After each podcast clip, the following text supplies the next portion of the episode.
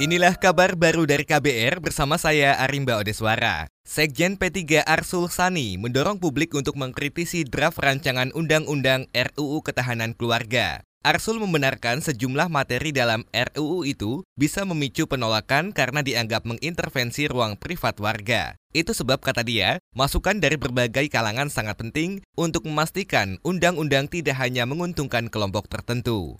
Nah, tentu perdebatannya kalau di RUU ketahanan keluarga itu kan eh, apa perdebatan yang kalau dalam istilah yang disampaikan oleh teman-teman elemen masyarakat sipil itu kan masuknya negara dalam kehidupan privasi seseorang yang terlalu jauh.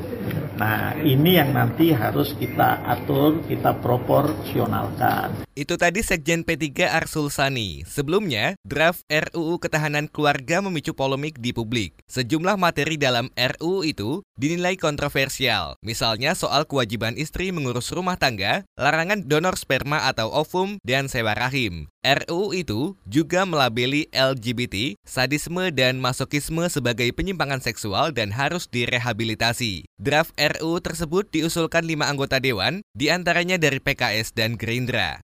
Sementara itu, saudara, jumlah WNI yang terinfeksi virus corona tipe baru di kapal pesiar Diamond Princess yang berlabuh di Jepang bertambah menjadi empat orang. Dikutip dari Antara, Direktur Perlindungan WNI Kementerian Luar Negeri Yuda Nugraha mengatakan dua WNI dirawat di rumah sakit Chiba dan dua lainnya di rumah sakit di Tokyo. Tim dari Kedutaan Besar RI di Tokyo sudah mengunjungi kedua rumah sakit tersebut guna memastikan empat WNI mendapat penanganan terbaik. Informasi ini juga sudah disampaikan kepada pihak keluarga masing-masing. Kini, pemerintah tengah merancang strategi pemulangan seluruh WNI yang menjadi kru kapal pesiar yang dikarantina di Yokohama. Jumlah total WNI 78 orang, 4 di antaranya positif corona.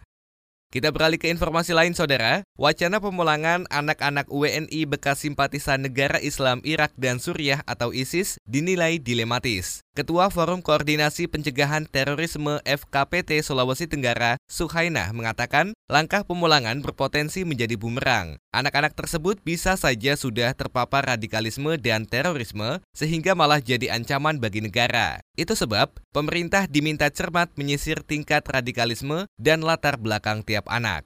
Kalau khusus yang anak-anak kan harus juga dilihat dulu ya, dilihat dulu bahwa ini anak-anak ini latar belakang dari yang keluarganya dulu ya. Apakah memang dia ikut-ikutan atau dia memang sudah pelakunya gitu. Karena kalau melihat untuk anak-anaknya perlu diselamatkan. Tetapi juga harus diperhatikan jangan sampai anak-anak ini juga rentang juga Ketua FKPT Sulawesi Tenggara Suhainah mengatakan mekanisme pendampingan perlu dimatangkan sebelum pemerintah mengetok putusan pemulangan. Ia mengingatkan sulitnya menghilangkan paparan radikalisme dalam diri seseorang termasuk anak. Kita beralih menuju Raja Basa Lampung, saudara. Kawasan pembangkit listrik tenaga panas bumi di Raja Basa Lampung menjadi sorotan karena rawan longsor. Ketua Komisi Lingkungan DPR Sudin mengatakan areal tersebut kini gundul karena banyak pohon ditebangi. Ia meminta Kementerian Lingkungan Hidup dan Kehutanan mengerahkan petugas untuk menghijaukan kembali kawasan itu. Saya hanya mengingatkan, kalau nggak salah di Lampung Selatan itu ada geothermal ya, di Gunung Raja Basa. Jadi saya minta nanti petugas Direktorat Jenderal yang berkaitan dengan itu perihal penghijauan kembali sekelilingnya. Karena ini saya dapat info di sana sudah mulai agak longsor.